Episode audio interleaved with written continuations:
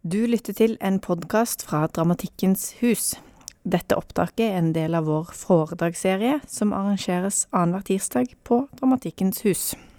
Velkommen til eh, eh, holdt jeg på å si Elfride Jelnek, men Elisabeth Bianca Halvorsen som skal holde foredrag om Elfride Jelnek. Eh, og Bianca hun er master i faglitterær skriving og tysk fra Høgskolen i Vestfold og Universitetet i Oslo. Hun har skrevet bok om Elfride Jelinek som heter 'Piker, vin og klagesang'. Og hun har skrevet et teaterstykke basert på Jelinek sine tekster. Det kommer jeg sikkert tilbake til. Hun har òg akkurat skrevet bok om Doris Lessing. Så det er en, uh, mange spennende kvinnelige forfattere som Bianca befatter befatt seg med. Um, hjertelig velkommen, og vær så god, Elisabeth Bianca. Tusen hjertelig takk for introduksjonen og ikke minst for invitasjonen til å komme hit til Dramatikkens hus. Det er en ære å få komme her og ha, uh, å kunne snakke ut om Jefride Jelinek, for det er det lenge siden jeg har gjort. Uh, og at Jelinek fortsatt er aktuell.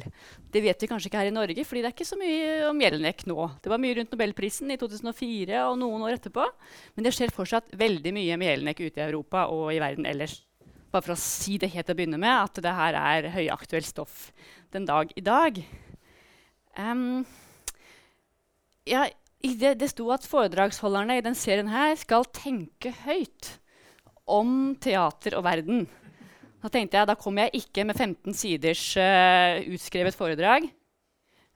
Jeg skal tenke her og nå, Men samtidig så fikk jeg forespørsel om eller trenger du teknisk utstyr.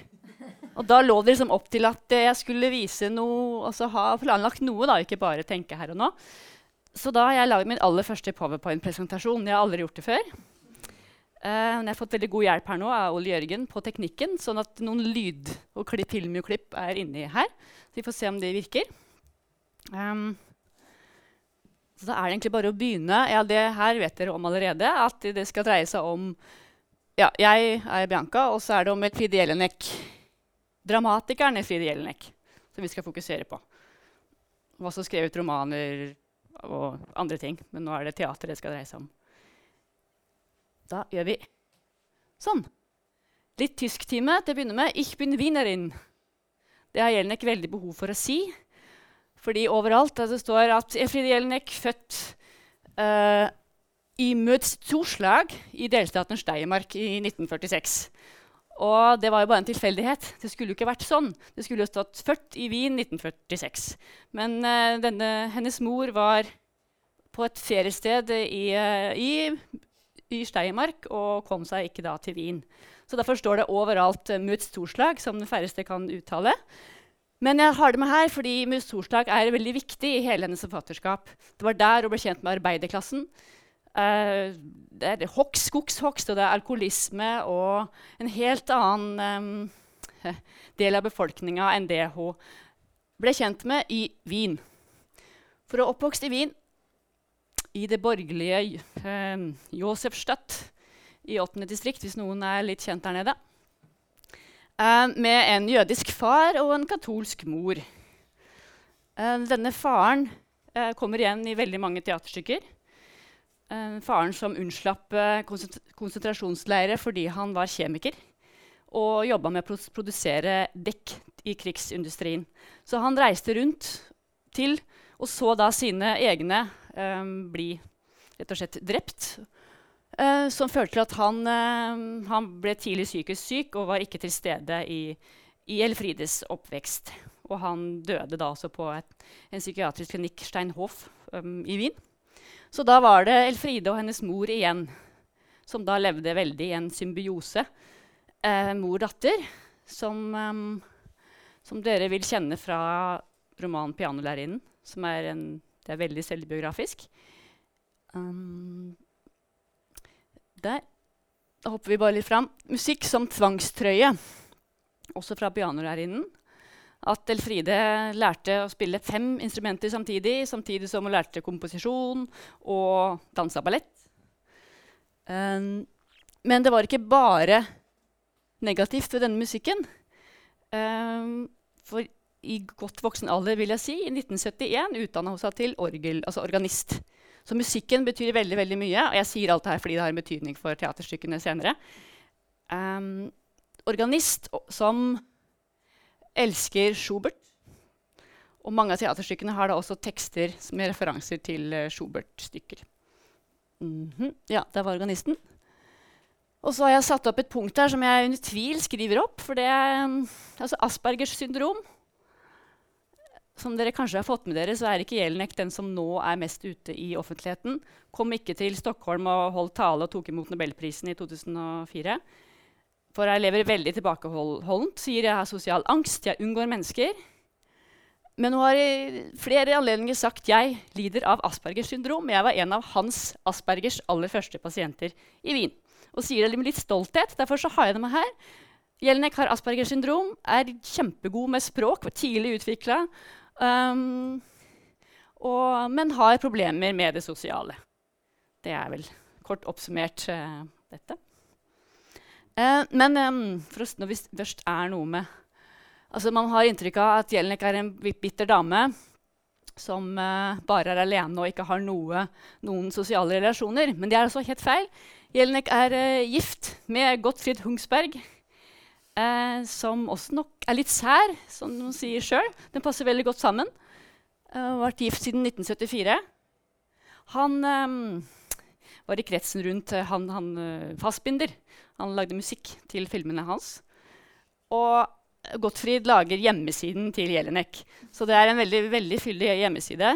Uh, elfridejelinek.com, hvor det ligger masse tekster. Og etter hvert så har hun slutta å publisere på forlag i protest mot forlagsbransjen.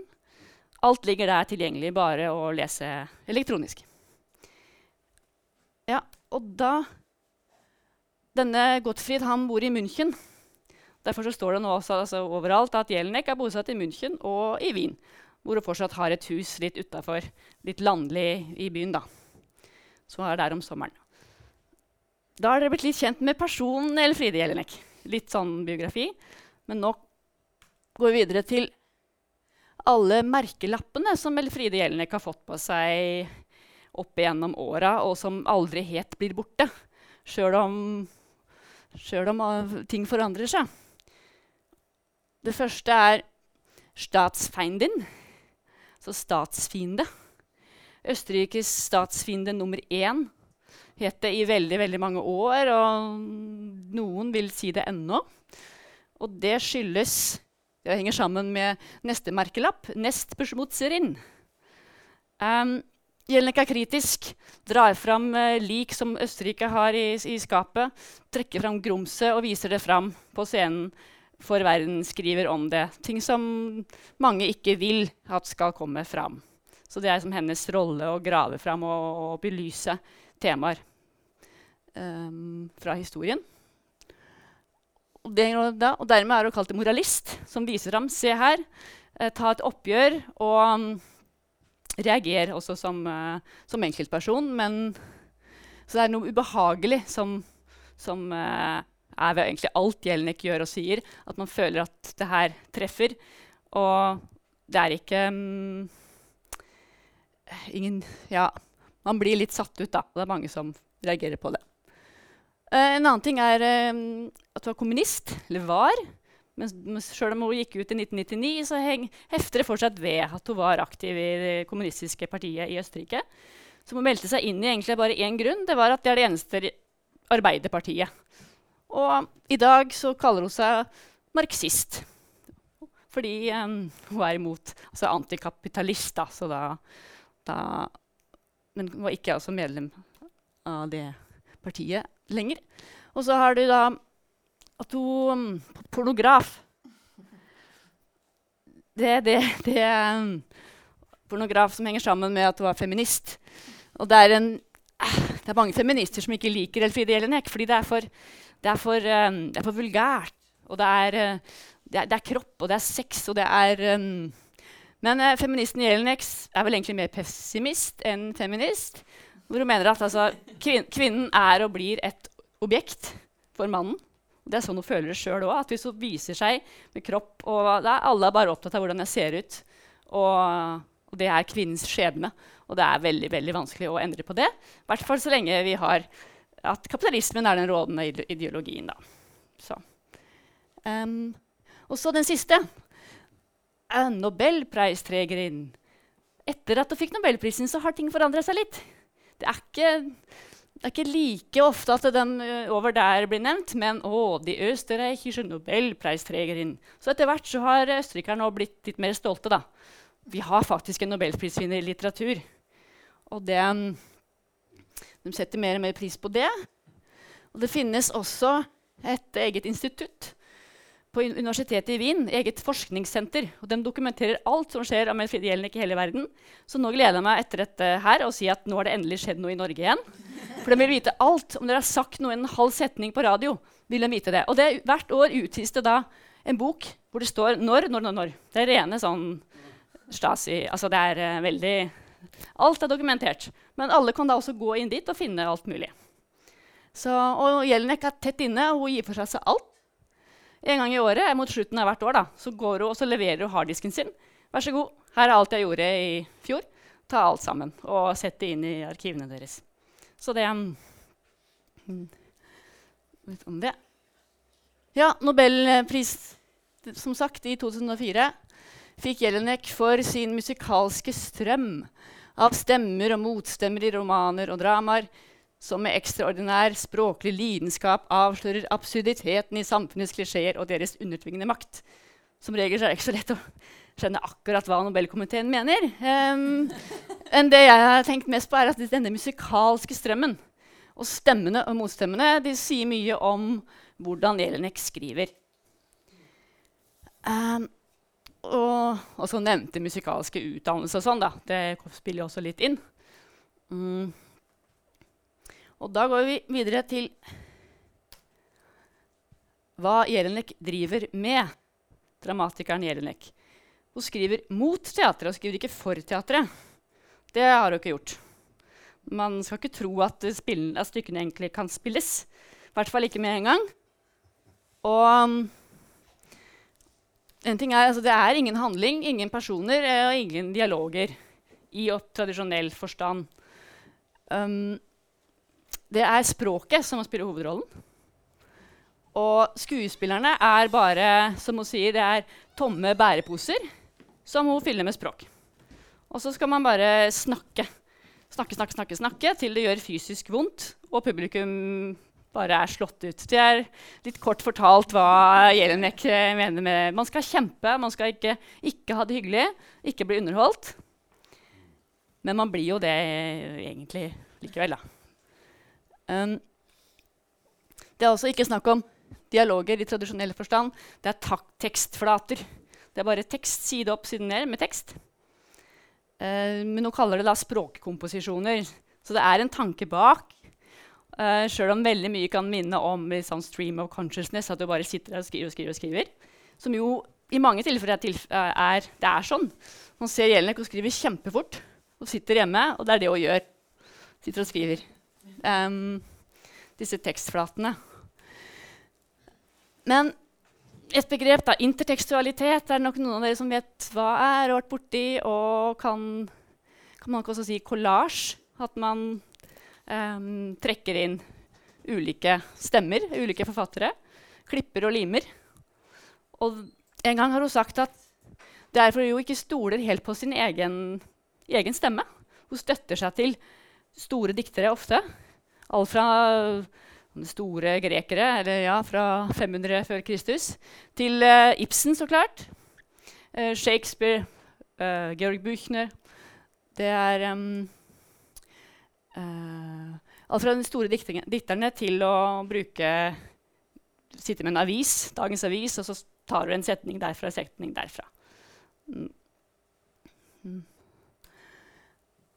Og virkeligheten altså, Man kan jo si at teaterstykkene er Mange av dem er sånn halvdokumentariske. Eh, ved at du bruker virkelige hendelser, personer, som knagger, som hun da assosierer videre med, og henger da sin egen fiksjon på. Mm. Um, Og så er det et, her kommer det enda mer tysk. Machen Sie was Sie wollen. Gjør hva, de, gjør hva du vil, sier Jelinek med tekstene. Om tekstene. Eh, regissørene kan gjøre akkurat hva de vil. Eh, kan stryke. Eh, finn på noe annet, ditt eget. Um, gjør hva de vil. Hun vil ha ti ulike oppsetninger uh, av et og samme stykke. Det er hennes, så det er en gave til regiteatret. At uh, det bare er et språklig materiale, og så blir det teater flere, gjennom flere ledd. Det, uh, men det er litt verre. Hun sa det også til meg. da. Jeg har da oversatt en del av Jelineks stykker. Og da sa hun, Jeg spurte da i en mail har du noen råd til oversetterne. For som oversetter er det veldig vanskelig å sitte med alle disse ulike uh, Der er det Shakespeare, og, der er det, og hva, kanskje det er et sitat jeg ikke klarer å gjenkjenne. Uh, eller en setning som jeg ser Hva betyr dette? For hun har sagt at nei, man kan sette sammen alt, men noen ganger gir det kanskje ingen mening. Men en oversetter vil jo gjerne finne mening. Men da sa hun også at nei, nei, nei jeg gir oversetterne mine full frihet. Det, så det gjør at oversetterne hennes kan tillate seg mer enn uh, en ved andre forfattere. Men det er noen utfordringer der som uh, som jeg gjerne vil at Derfor har jeg sendt flere oversettelser videre til andre. Etter hvert. Etter hvert så er det greit med at den andre kan bryne seg på den teksten her. Mm. Teater som ferskvare. Det også, Jelinek er medieobservatøren som sitter hjemme og skriver ikke et leserinnlegg eller en uh, kronikk. Nei, et teaterstykke. Så det går så fort. Altså, skriver en tekst, og så er det uroppført uh, veldig kort tid etterpå. Så det er uh, en fascinerende prosess som Ja, det er der. Og til slutt der Hat og død. Det er, det er drivkraften til Elfride Jelinek. Andre får skrive om kjærlighet. Hennes, altså det er det, Hun sier rett ut. Hun er besatt av døden. Uh, hun skriver gjerne komedier om døden. Uh, men det er hennes greie å grave i det som ja, hat. Også selvhat kan også stått her, hvor, uh, som vi kan komme litt tilbake til senere. Hvordan hun skriver seg inn. Og at det rett og slett er å, å skrive stygt om seg sjøl. Um, og da kom vi til gjennombruddet som dramatiker. Noen Flere vil vite hva det er. De har oversatt til norsk faktisk to ganger. Vi oversatte samtidig. Så da har det tyske forlaget solgt rettighetene til Norge to ganger. Eh, til Alf B. Glad, som utga det um, på Solum forlag i 2006. var det vel. Og samtidig så oversatte jeg det for Nationaltheatret. Um, altså på norsk Direkte oversatt tittelen er 'Hva skjedde etter at Nora hadde forlatt sin mann?' eller 'Samfunnenes støtter'. Skrevet i 77, oppført første gang i 79. Og da I den forbindelse så ja, jeg, spurte, jeg har spurt Jelinek da, hva, hva, hun tenker om Ibsen og sånn. Hun har brukt han der, og da sa hun følgende i et intervju at Ibsen representerer naturligvis høydepunktet innenfor det borgerlige teatret. Et teater som oppdager det ubevisste, det usagte. Jeg vil si at jeg grovbearbeider Ibsen og ender opp med det motsatte. Hos meg er ingenting privat, og ingenting forblir usagt. Mine figurer snakker uavbrutt, og når de ikke snakker, eksisterer de ikke. De konstitueres av det de sier. Hos Ibsen konstitueres de av det de tier om. Og når det snakkes uavbrutt, som hos meg, blir kanskje også altfor tiet. Hvem vet? Ja. Og da Altså, vi er så heldige her i kveld, da. At vi har Jelinek Nora Helmer i publikum. Eh, eh, Jelinek Nora sitter her på første rad og har faktisk turnert rundt omkring i Norge og holdt selvhjelpskurs. Um, ja, det fins en pensumbok til det, og den er da i 'Pikerevyen og klagesang', som, som, som, jeg har skrevet. da.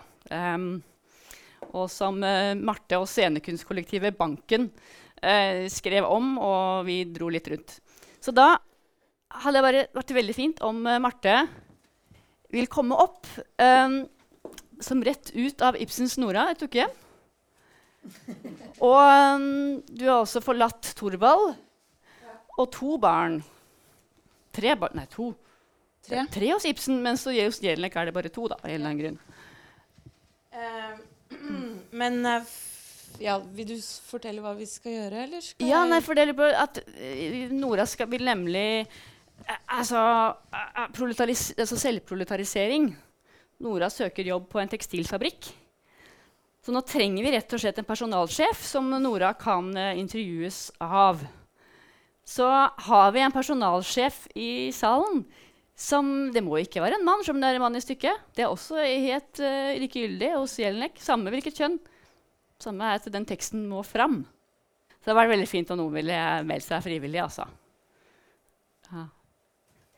Jeg tror Emil her uh, ser ut som en veldig Ser ut som en personalsjef. Ah, yes. Hey. Mm.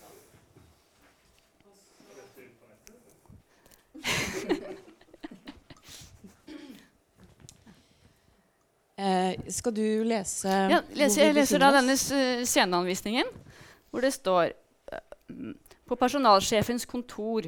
Personalsjefen sitter ved skrivebordet. Nora beveger seg litt lekende rundt omkring, tar på alt. Setter seg av og til ned et øyeblikk. Av og til farer hun plutselig opp og går rundt omkring. Oppførselen hennes står i kontrast til de nokså forkomne klærne. Jeg er ikke en kvinne som ble forlatt av sin mann, men en som selv forlot noe som er sjeldnere. Jeg er Nora fra Ibsens stykke med samme navn. For øyeblikket så flykter jeg fra en forvirret sinnstilstand og inn i et yrke. Min stilling kan si dem at et yrke ikke er noen flukt, men en livsoppgave. Men jeg vil ikke oppgi livet mitt ennå. Jeg streber etter å realisere meg selv. Har de noen form for arbeidserfaring? Eh, Jeg har erfaring med pleie og dressur av eldre, svake, debile, syke og også av barn. Men her har vi ingen eldre, svake, debile, syke eller barn. Vi disponerer over maskiner. Foran en maskin må et menneske bli til et null. For da kan det eh, Først da kan det bli til noe igjen. Jeg valgte i hvert fall helt fra starten av den vanskeligste veien til en karriere. Men jeg vil bort fra pleierimaget mitt. Denne lille egensindigheten sitter i meg. Så pent disse gardinene skiller seg ut fra de dystre og forretningsmessige veggene, at også ubesjelede ting har sjel, det ser jeg først nå som jeg har befridd meg selv fra ekteskapet. Arbeidsgiver og tillitsvalgte skal beskytte og fremme den frie personlighetsutfoldelsen til bedriftenes ansatte. Har de attester? Mannen min ville sikkert ha utstedt attest på, på at jeg er en god husmor og mor, men det kludret jeg til i siste sekund. Her forlanger vi attester fra utenforstående. Kjenner de ingen utenforstående? Nei, eh, ektemannen min vil at jeg skulle være huslig og isolert, fordi kvinnen aldri skal se til sidene, men for det meste inn i seg selv eller opp til mannen. Han var altså ingen offisiell sjef, slik jeg f.eks. er. Jo visst var han sjef i en bank. Og jeg vil råde dem til å ikke bli like hardhjertet av stillingen deres som han har blitt. Den ensomme, det ensomme livet på toppen skaper alltid harde hjerter. Hvorfor stakk de av? Jeg ville utvikle meg fra objekt til subjekt på en arbeidsplass. Kanskje kan jeg i form av min person i tillegg bringe en lysstråle inn i en dyster fabrikkhall. Rommene våre er lyse og godt utluftet. Menneskeverdet og retten til fri personlighetsutfoldelse er noe jeg vil holde høyt. De kan overhodet ikke holde noen ting høyt, for de behøver hendene til noe viktigere. Det viktigste er at jeg blir et menneske. Her ansetter vi utelukkende mennesker. Noen er det mer, andre er det mindre. Jeg måtte forlate hjemmet mitt før jeg kunne bli et slikt menneske. Mange av våre kvinnelige ansatte ville ha løpt flere kilometer for å finne et hjem. Hvorfor behøver de et fremmedsted? Fordi jeg, kjen fordi jeg fra før kjenner mitt eget ståsted. Kan de skrive på maskin? Jeg kan gjøre kontorarbeid, brodere, strikke, sy. Mm, Hvem har de arbeidet for? Firmaets navn, adresse, telefonnummer? Privat. Privat er ikke offentlig. Først må de bli offentlig, Deretter kan de bygge ned deres status som objekt. Jeg tror jeg egner meg spesielt for usedvanlige oppgaver. Det vanlige har jeg aldri kunnet fordra. Mm, Hva er det som får dem til å tro at de er skapt for dette usedvanlige? Fordi jeg er en kvinne det foregår kompliserte biologiske prosesser i. Hvilke kvalifikasjoner har de på det området de kaller usedvanlig? Jeg har et kjælent vesen og er kunstnerisk begavet. Ja, Da må de inngå et nytt ekteskap. Jeg har et kjælent opprørsk vesen. Jeg er ingen enkel personlighet. Jeg er mangfoldig. Men Da burde de ikke inngå flere ekteskap. Jeg prøver fortsatt å finne meg selv. I fabrikkarbeidet finner alle seg selv før eller senere. Den ene her, den andre der. Heldigvis må ikke jeg jobbe i fabrikken. Jeg tror hjernen min stritter imot fordi den knapt vil bli bruk brukt i arbeidet ved maskinen. Hjernen deres har vi ikke noe bruk for. Siden den lå brakk i ekteskapet mitt, så ville jeg egentlig Eh, er lungene og øynene deres friske? Har de tannskader? Er de følsomme for gjennomtrekk? Nei, kroppen min har jeg tatt godt vare på. Mm, da kan de begynne med det samme. Har de flere kvalifikasjoner som ikke falt, under dem inn, som ikke falt dem inn tidligere? Jeg har ikke spist på flere dager. Nå vil jeg først gjøre det vanlige, men det er bare en midlertidig løsning inntil jeg kan ta fatt på det usedvanlige. Ah. Tusen hjertelig takk. Det var altså første scene. Og det, herfra går det bare mm, Ja, det går litt oppover, og så går det veldig, veldig nedover med Jelinek Nora. Altså, det er nå det da at eh, Nora kommer jo fra den bakgrunnen hun har, og det, hun egner seg jo ikke til å jobbe med maskin. Så hun vil jo danse og underholde, og, og med en gang denne fabrikkeier eh, Veigang, som han heter, kommer inn, så er Lerkefuglen og alt er tilbake, og Jelnek, Nei, Jelinek, sier jeg. Nora eh, Da blir hans eiendel. Men Nora er ingen uh, ung kvinne lenger. Og han vil ikke se på at uh, hennes, eh, ja, hennes kjønnsdeler råtner. Det vil han ikke være vitne til. Så han, altså det er litt det språket. Det, det, det, ja, det kommer inn. Um, så Nora blir, blir slett dumpa. Ja, nå røper vi, men vi kan røpe hvordan det går. Ja. Ja, Nora blir jo rett og slett det vi vil kalle en luksusprostituert. Så det er et trist skue. Det er Ikke annet å si enn det. Men eh, det har ennå ikke blitt oppført i sin helhet, eh, dette ikke denne Ibsen-fortsettelsen, eller Nora-fortsettelsen. Svenskene har gjort det i Gøteborg. Kjempespennende. Melanie Medelin. Um, men det er en litt sånn, kanskje litt vanskelig tekst å spille akkurat sånn som de er. Og det bør man jo egentlig ikke gjøre med Jelinek. Man bør gjøre en vri. Og jeg så en veldig bra vri for to uker tilbake i Wien, på Folksteater, hvor de hadde brukt litt mer av Ibsen, eh, men veldig mye Jelinek. Og så hadde regissøren skrevet sånn etter Nora, da han også lagt til litt hvordan det, hvordan det gikk, da. Mm. Og um, jeg vil si at selve oppsetninga må være veldig Jelineks ånd. Så jeg skal bare vise et lite klipp fra, fra den. Og det var en grunn til at jeg viste altså akkurat denne scenen her, fordi det som blir sagt i begynnelsen, har dere nå hørt på norsk først. Så da, da tar vi en kikk på den, som skal ligge der. Ich bin keine Frau, die von ihrem Mann verlassen wurde, sondern eine, die selbstständig verlassen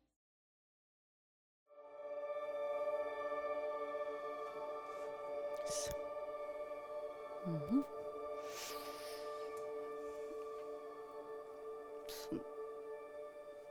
Yes. Ja. Ja. Der dere et inntrykk av hvordan det kan se ut på scenen med effekter. Mm. um, og fra Folksteater går vi til Burgteater. Uh, Burgteater er da det østerrikske nasjonalteatret, så å si. Men det er også et stykke av Elfride Jelinek, som hun begynte på allerede i 1989, nei, 1981, mener jeg. Og satt da på kafeen ved siden av Borgteater i samtale med en dramaturg og snakka om hva dette handla om. Og da var det noen som fanga opp det ved dabbebordet. Så små forholdet er det. Og da ble planene om å sette opp det på Borgteater avblåst. Og har aldri inntil dags dato eller har aldri blitt satt opp på Borgteater. Uh, men da i Bonn i Tyskland i 1985. For det Altså, øs- østerrikske temaer i Burgteater, som i et stykke hun skrev lenge etterpå, i, som heter 'Erlkönigin', altså alvedronningen, um, handler det om å, å et, ta et oppgjør med østerriksk fortid. Og helt konkret med en skuespillerinne som het Hun døde, to, døde da i 2000. Et, et, uh, hun døde i 2000. I 2001 var teaterstykket om Paula Wesley, som kan likestilles litt da, med hvilken stilling hun har i samfunnet eller i landet, med, med vår Wenche Foss f.eks. En skuespiller alle elsker, og som har en lang karriere. Og så kommer det da fram, Jelinek graver fram hva denne Paula Wesley har gjort. Eh, nemlig å bl.a. i 1941 spille i en propagandafilm. Tysk propaganda. Eh, Heimkie, som blir forbudt men som Jelinek har fått tilgang til og siterer fra. Og også andre intervjuer gjort med Paula Wessely, som da ikke var jødisk, men gjorde kjempekarriere pga. jødiske kolleger som, som, som flykta eller ble, ble drept. Men eh, etter at Jelnek tok opp det her, så kom det endelig en, en beklagelse fra Paula Wessely.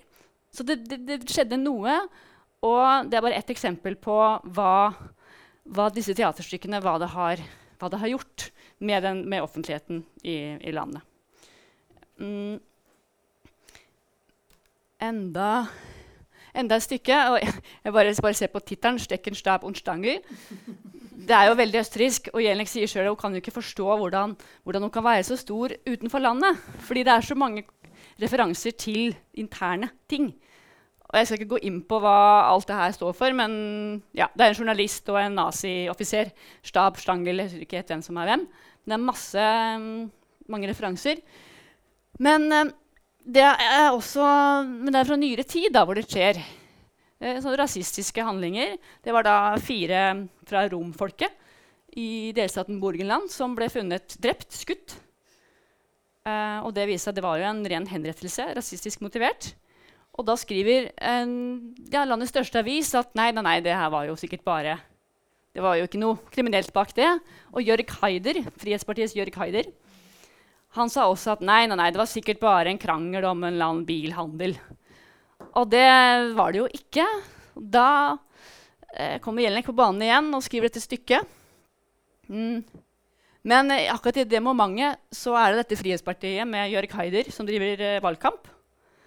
Og da står det på plakatene rundt omkring i byen at uh, vil dere ha Jelinek og Peiman, han var da Borgteaterdirektør, og satte opp stykkene Jelinek og Thomas Bernhardt osv. Eh, vil dere ha dem, eller vil dere ha kunst og kultur?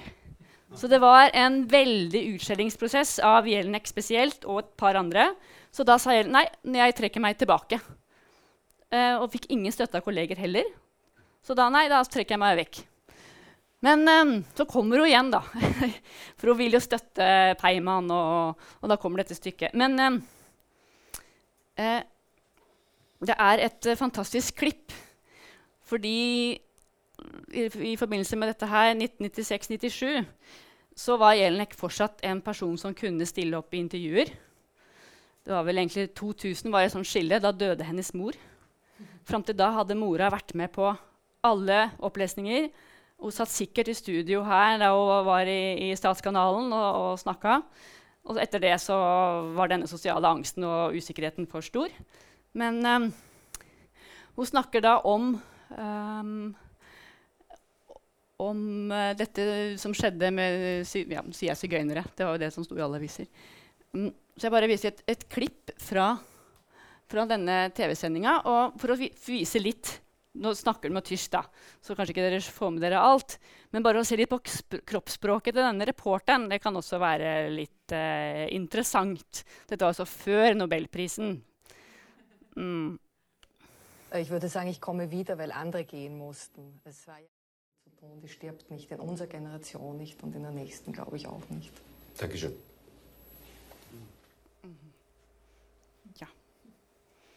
Mm -hmm. sa, altså, for å oppsummere kort, altså at Østerrike er nok min skjebne. At hun aldri slutter å skrive om Østerrike. Hun bryr seg jo. Det er derfor hun gang på gang på gang eh, tar for seg noe som har med hjemlandet sitt å gjøre. Så, eh, men hun sier også at hun tror ikke at kunst kan, kan forandre verden. Da. Kan ikke forandre noe, Hun trodde vel det før, men eh, ja. Det var det. Men en smilende og ja, det fikk et inntrykk av hvordan, uh, ja, hvordan hun så ut i 1997 mens uh, hun fortsatt var litt aktiv offentlig. Um, ja, skal ikke gå så inn på det neste her nå. Det er bare enda flere stykker som hun tar tak i ja, Rechnis prisbelønna sterkt stykke eh, med, med, med basert på tragedier. Um, går litt mer på de to stykkene der, i Alpene og Verket, som er to tvillingstykker. Liksom alpestykkene. Um, uh, som også baserer seg på katastrofer. Men det forbinder uh, fortid og, og, nåtid her, da. For verket, kraftverket det er et kraftverk i Salzburg som ble bygd av tvangsarbeidere under, under andre verdenskrig. Um, og i Alpene altså I begge stykkene er det også en sånn tunnelbaneulykke, som kanskje noen av dere husker. Eh, Kitzsteinhorn i Salzburg. Kjempekjent. Eh, mange turister kommer dit. Eh, Eh, men da er det en sånn tunnelbane som går da helt opp på toppen. Det er vel 2000 meter opp. Flotte skiforhold også om sommeren. Så tok da denne banen fyr i 1999-2000. Det var 155 som, som omkom eh, i den ulykken. Og Jelinek eh, bruker da det som, som bakteppe til å kritisere Eh, altså, altså, grådighet da, ved å ikke satse på sikkerhet, f.eks. Monter, til slutt var det da ingen av ingeniørene som fikk skylda for den ulykken. Det var en tyskprodusert ovn, Fakir.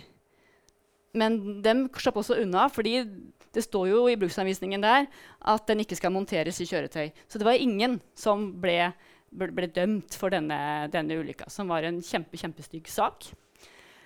Um, og de pårørende etter ulykka syns jo det altså, det ble gjort laget teater av det, var også i meste sterkeste laget. Også med midlene som Jelinek bruker, ved at hun jo går da inn og gir disse døde en stemme. Det er det hun gjør i nesten alle stykker, eller veldig mange stykker. At hun da lar dem snakke så å si fra under jorda eller fra oven, altså gi dem inn. Um, og um, vi bare ser litt på den ene tekst altså fra, fra i Alpene hvor det er en redningsarbeider. Det er én av mange figurer. Da. Det er noen, noen, som står på ski, og så er det noen som kommer på ulykkesstedet. Og det er en måte Dette er hennes form for satire, eller for å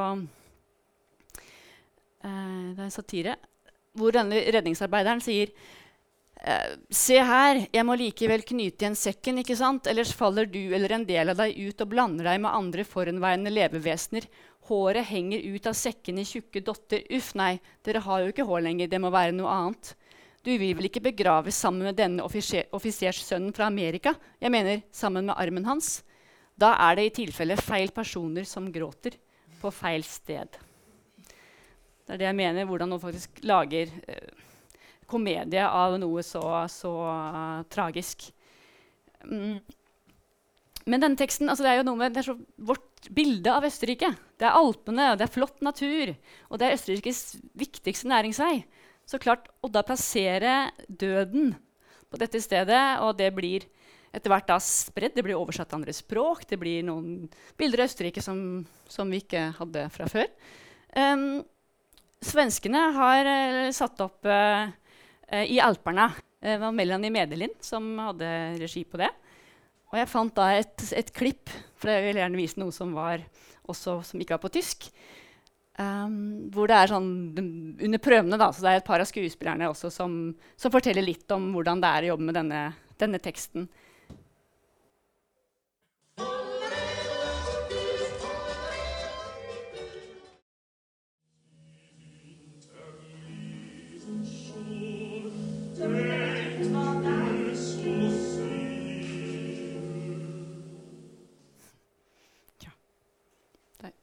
Med litt musikk på slutten nå, og det må det være Schubert. Uh, ja. ja. det må være Schubert. Ja. Der, uh. Og dette det har sånn, Da så vi jo denne som var dame, eller, som var um, proff um, toppidrettsutøver. Og det Der noe falt bort. Um, det, det møtte flere av dem i uh, noe som er et, virkelig et stykke man ennå En oppsetning man ennå snakker veldig, veldig om. Det er et sportsstykke som ble satt opp på Borgteater uh, uh, i Wien i 1998. Hvor det også dreier seg om mennesket i naturen, og, som var på i, i Alpene men mye mer om, om ideologiene bak. Da, at sport er krig. Fordi det er den samme ideologiene som ligger på. Det er kapitalisme, eh, fascisme osv. Eh, men denne teksten da, det er kjempelang, et sportsstykke. Og så var det da denne regissøren Einar Slef som tok det så bokstavelig. Så han skulle spille alt. Og det varte jo i åtte-ni timer. Og så står det eh, 'gresk kor må det være'. For Jelnek skriver lange sånne sceneanvisninger. Selv om man kan gjøre hva man vil, så står det jo det står noe der. Så han fulgte alt til punkt og prikke. Og det var vel 100-150 skuespillere med. Og den skulle marsjere, og det var ikke måte på hva den skulle gjøre. da. Så det står jo, Jeg hadde egentlig et klipp, men eh, det er nok å fortelle om det. At den står da og marsjerer i treningstøy og gjør ulike øvelser og bokser, men må si da denne teksten, som aldri tar slutt, om Altså, det er en eh, virkelig en fysisk eh, utfordring å spille dette stykket. Um, og det var helt vanlig da, at det var ingen som orka å sitte gjennom hele forestillingen. Og det fant også en kortversjon på 4,5. Um, så det var helt vanlig at bare, noen gikk ut og inn. da, og Noen sov, og noen Men det var noe alle, alle ville se. Sånn, Alle skulle se dette da det, da det gikk. Og det var til og med, det sto masse om det i avisene. Og det var konkurranse. Den som kom i det beste sportsantrekket, fikk en middag med bordteatersjef Klaus Peimann. Men måtte da sitte i da fire og en halv time eller åtte i, i dette antrekket. For personen som vant, en mann, han var utkledd som sportsdykker. Fullt utstyr, proffdykker. da. Så han satt da og så dette stykket. Så det var mye sånn greier rundt det. da. Så en happening. Ja, og det, da, det, ble gjort noe på Nationaltheatret òg, jeg dessverre ikke fikk sett. Men jeg, men jeg oversatte en del av dette stykket. da. Men der, det alt, der foregikk alt i bokseringen med noen få eh, skuespillere. Mm. Um, ok, da går vi litt videre til ja, Jeg har kalt det her for universelle temaer. da. Litt som Bare for å skille det fra de veldig østerrikske temaene. Um, 'Bambiland og Babel' er hennes uh, stykker om Irak-krigen.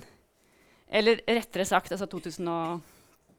Så 'Bambiland' kom jo da bare ble satt opp noen måneder etter at uh, USA uh, bomba Irak i 2003 i mars. Men um, det er feil egentlig å kalle det stykker om Irak-krigen. Det er egentlig stykker om hvordan mediene dekka Irak-krigen. Så igjen er det Jelnek, observatøren, som sitter og følger nyhetssendingene og ser hvordan krigen blir gjort til underholdning, og hvordan dette her gjør eh, folk mer og mer avstumpa å sitte og se på, se på tragedier på, på, TV. Og alt dette klipper hun da sammen med Aiskelos, eller hva man nå Altså greske tragedier, og binder det sammen og klipper og limer. Eh, og da selvfølgelig da det ble satt opp i Borgteater, ble det noe helt annet. For Christoph han strøk alle referansene til Irak-krigen og trakk heller inn Vietnamkrigen og lagde det til et stykke om seg selv. Um, og det var da det kom Er dette med regiteater så lurt? Fordi her er Jelenek helt borte. Og det er jeg litt enig i at det, det, det, var veldig feil å sitte og se ja, Bambiland av Elfride Jelinek, så hadde det virkelig så lite med Jelinek å gjøre. Og det, um, så nå da han dro på turné med den oppsetninga etterpå, så het det da Da var det ikke lenger Bambiland av Elfride Jelinek. Babel er oversatt til norsk, aldri satt opp. Det var, ja, så det er, det er, der hvis noen skulle ha lyst. Oversatt av Øyvind Hånes og Julia Eller. Ja. Um, enda et stykke som er oversatt til norsk, er 'Kjøpmanns kontrakter'. Som ble spilt i Nokas-bygget i Stavanger. Eh, Rogaland Teater. Det var da Jonas Korell Petersen som hadde regi på det. Eh, et stykke da, som, hvis dere tenker ser årstallet der, 2008, i forbindelse med finanskrise. Um, ja, en, en, finanskomedie er undertittelen på den, da. Hvor alt går ikke spesielt bra. Um, det her ble jo plutselig veldig aktuelt. et stykke som fortsatt går på Borgteater, og det heter 'Die Schutzbefohlenen'. Det fins et stykke av også en greker som heter 'Die Schutzfleenden', altså de bønnfallende, som også var skrevet sånn rundt 500 år før Kristus, um, som Jelinek trekker inn i forhold til dagens uh, flyktningsituasjon. Og det her ble skrevet uh, før den store strømmen nå. Det var utgangspunkt i Wien, med noen som okkuperte en kirke der. Og like etterpå skjedde det i Lampedusa. Og så har det da blitt bare enda mer og mer, og mer aktuelt, og nå spilles det stadig flere, flere steder. Mm. OK. Vi har fortsatt litt tid. Uh, ja, Feministen Jelinek, jeg måtte trekke, ta det punktet òg, da. Eller blikk litt unna her. Kan du bare se litt på titlene her. 'Krankhet og det moderne fraen'. 'Sykdom eller moderne kvinner'. 'Vampyren Emily Brontë'. Eh, lesbisk Ja, jeg sier ikke mer. Det, var, eh, det er også noe sånn Ja, det er fra 87. Og så er det da prinsessedramaene. Det tot untas Mädchen 1-5. Det er også en syklus på fem. Og igjen ser vi da Frans Schubert, 'Det tot untas Mädchen'. Han har også uh, komponert 'Det tot untas Mädchen'. Um, som um, Det er ulike tekster. altså Det er fem stykker. Det ene heter, heter 'Snøhvit', og andre er 'Tornerose', og så har vi 'Rosamunde'. Nummer fire er vel egentlig min personlige favoritt, om Jackie Kennedy og Nazis. En monolog. Rørende sak. Som Mona Tandberg gjorde aller først på Nationaltheatret i 2005. Og som um, Kine Bendiksen i Trøndelag Teater gjorde en fantastisk uh, tolkning av. Uh, I det hele tatt og fem, det er en tekst der er det Marlene er det, Nei, Sylvia Plath og Ingeborg Bachmann som er kvinner der. Så det er kvinner som kommer til orde, men det er veldig maktkamp. Derfor så det er feministisk tema. Um, og noen prinser her òg som ikke er helt gode. Det kan man jo si. Men jeg må si jeg var da og så det som uh, Hidde Brinkmann hadde regi på i Trøndelag. Det var uh, en forrykende forestilling. Så da fant jeg da uh, traileren til den, og den uh, syns jeg vi skal ta en, en titt på. 'Prinsessedrama' i Trøndelag Teater. Vi var prinsesser. Vi er prinsesser. Vi er ment for evigheten. Men vet ikke hvorfor.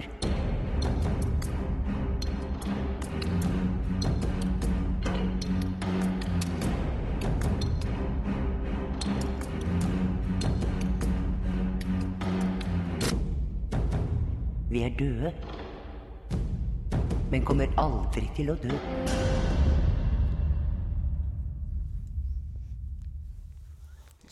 Ja, veldig bra. Uh, supert. Ja, under tvil står også Ulrikke Maria Stuart der, fordi det handler om så veldig mye annet enn feminisme. Men uh, fordi det er dronningdrama. Og man kjenner også til Shakespeare, det er alltid konger og konger og konger, men uh, er altså dronningdrama. Altså, noen av dere så det kanskje da det ble satt opp uh, på Nationaltheatret i 2007, var det vel etter hvert. Altså denne Bader Meinhof-banden og kampen mellom uh, Ulrikke Meinhof og Gudrun Enslin, som er sentralt. Og også da Maria Stuart, Friedrich Schillers ja. en kompleks tekst. Så, men jeg bare nevner den der. Uh, og så nevner jeg et stykke til da, som er veldig uh, Som handler om trafficking.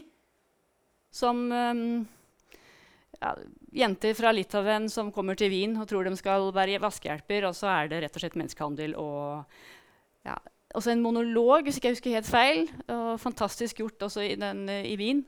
Um, masse oppmerksomhet. Og også litt kritisk fordi det var noen protokoller som var brukt der som helst ikke, som jo ikke skulle vært uh, sluppet. Så det var jo kjente advokater og alt som var, ble navngitt som, i denne skandalen som det var, eh, hvor disse jentene ble, ble solgt. OK. Siste, mitt siste punkt er heter scenefiguren Jelinek. Jeg har ennå ikke sett noen andre dramatikere som blir en scenefigur på den måten som Jelinek blir. At hun er så til stede i sine egne oppsetninger. Eh, det begynte i 1996, da Frank Castorf satte opp et stykke som på norsk ville het 'Rasteplasser', eller 'De gjør det alle sammen', som da er en pornografisk sak. Eh, en omskrivning av Mozarts 'Cossi van tutte'. Men det skjer da også på en do på en rasteplass. Det er sexscener, og det er ja. Så da var det naturlig en mot slutten av oppsetninga å bringe inn en kjempesvær, oppblåsbar Elfride Jelinek. Som er opp oppblåsbar Barbara med ja, naken og med noe blinkende, rødblinkende pupper. Altså, ja. Men jeg tror Jellik syntes det var helt fint. Helt greit. Og til og med en sånn sigar som var eh, oppblåst, oppblåst, i dette ja. Pent var det ikke, men det er sånt Jelinek faktisk setter pris på.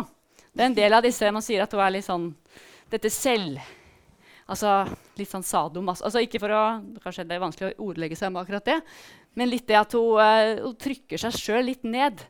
Og det er, forekommer uh, ofte, også i sjølve teksten, ved at hun skriver inn en, en figur eller en, en, uh, noen replikker som tilhører Diatorin, forfatterinnen.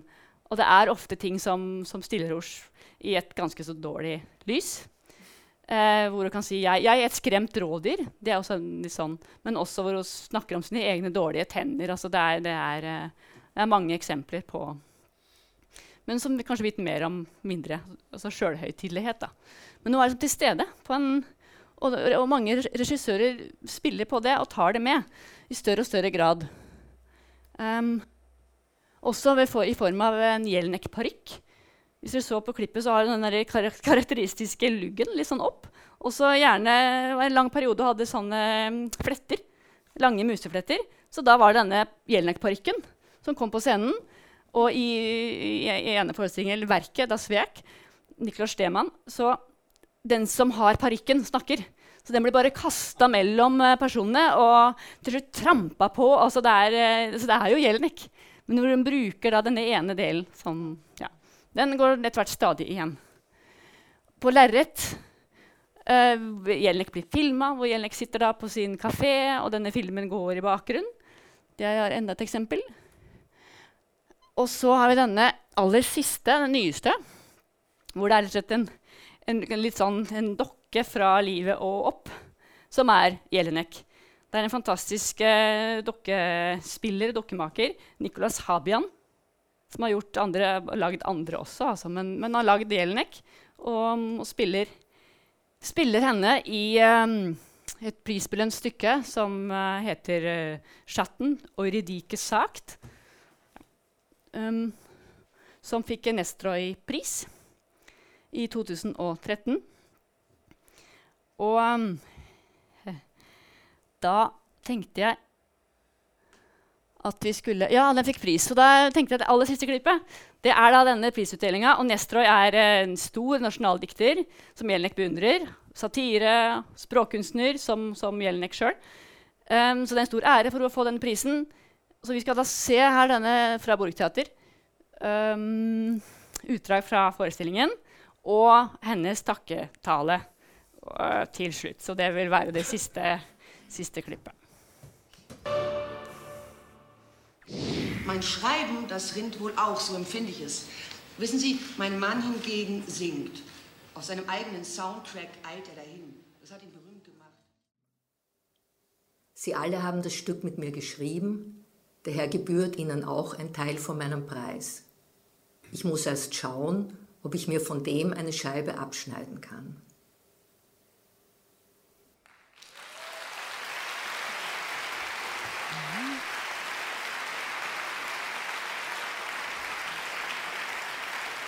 Wir gratulieren Elfriede Jelinek zum Nestroy Autorenpreis.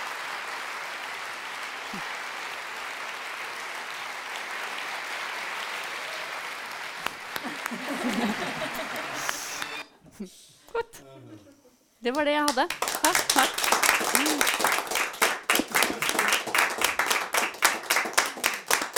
Du har nå hørt en podkast fra Dramatikkens hus. Har du lyst til å høre disse foredragene live? Sjekk ut våre hjemmesider dramatikkenshus.no.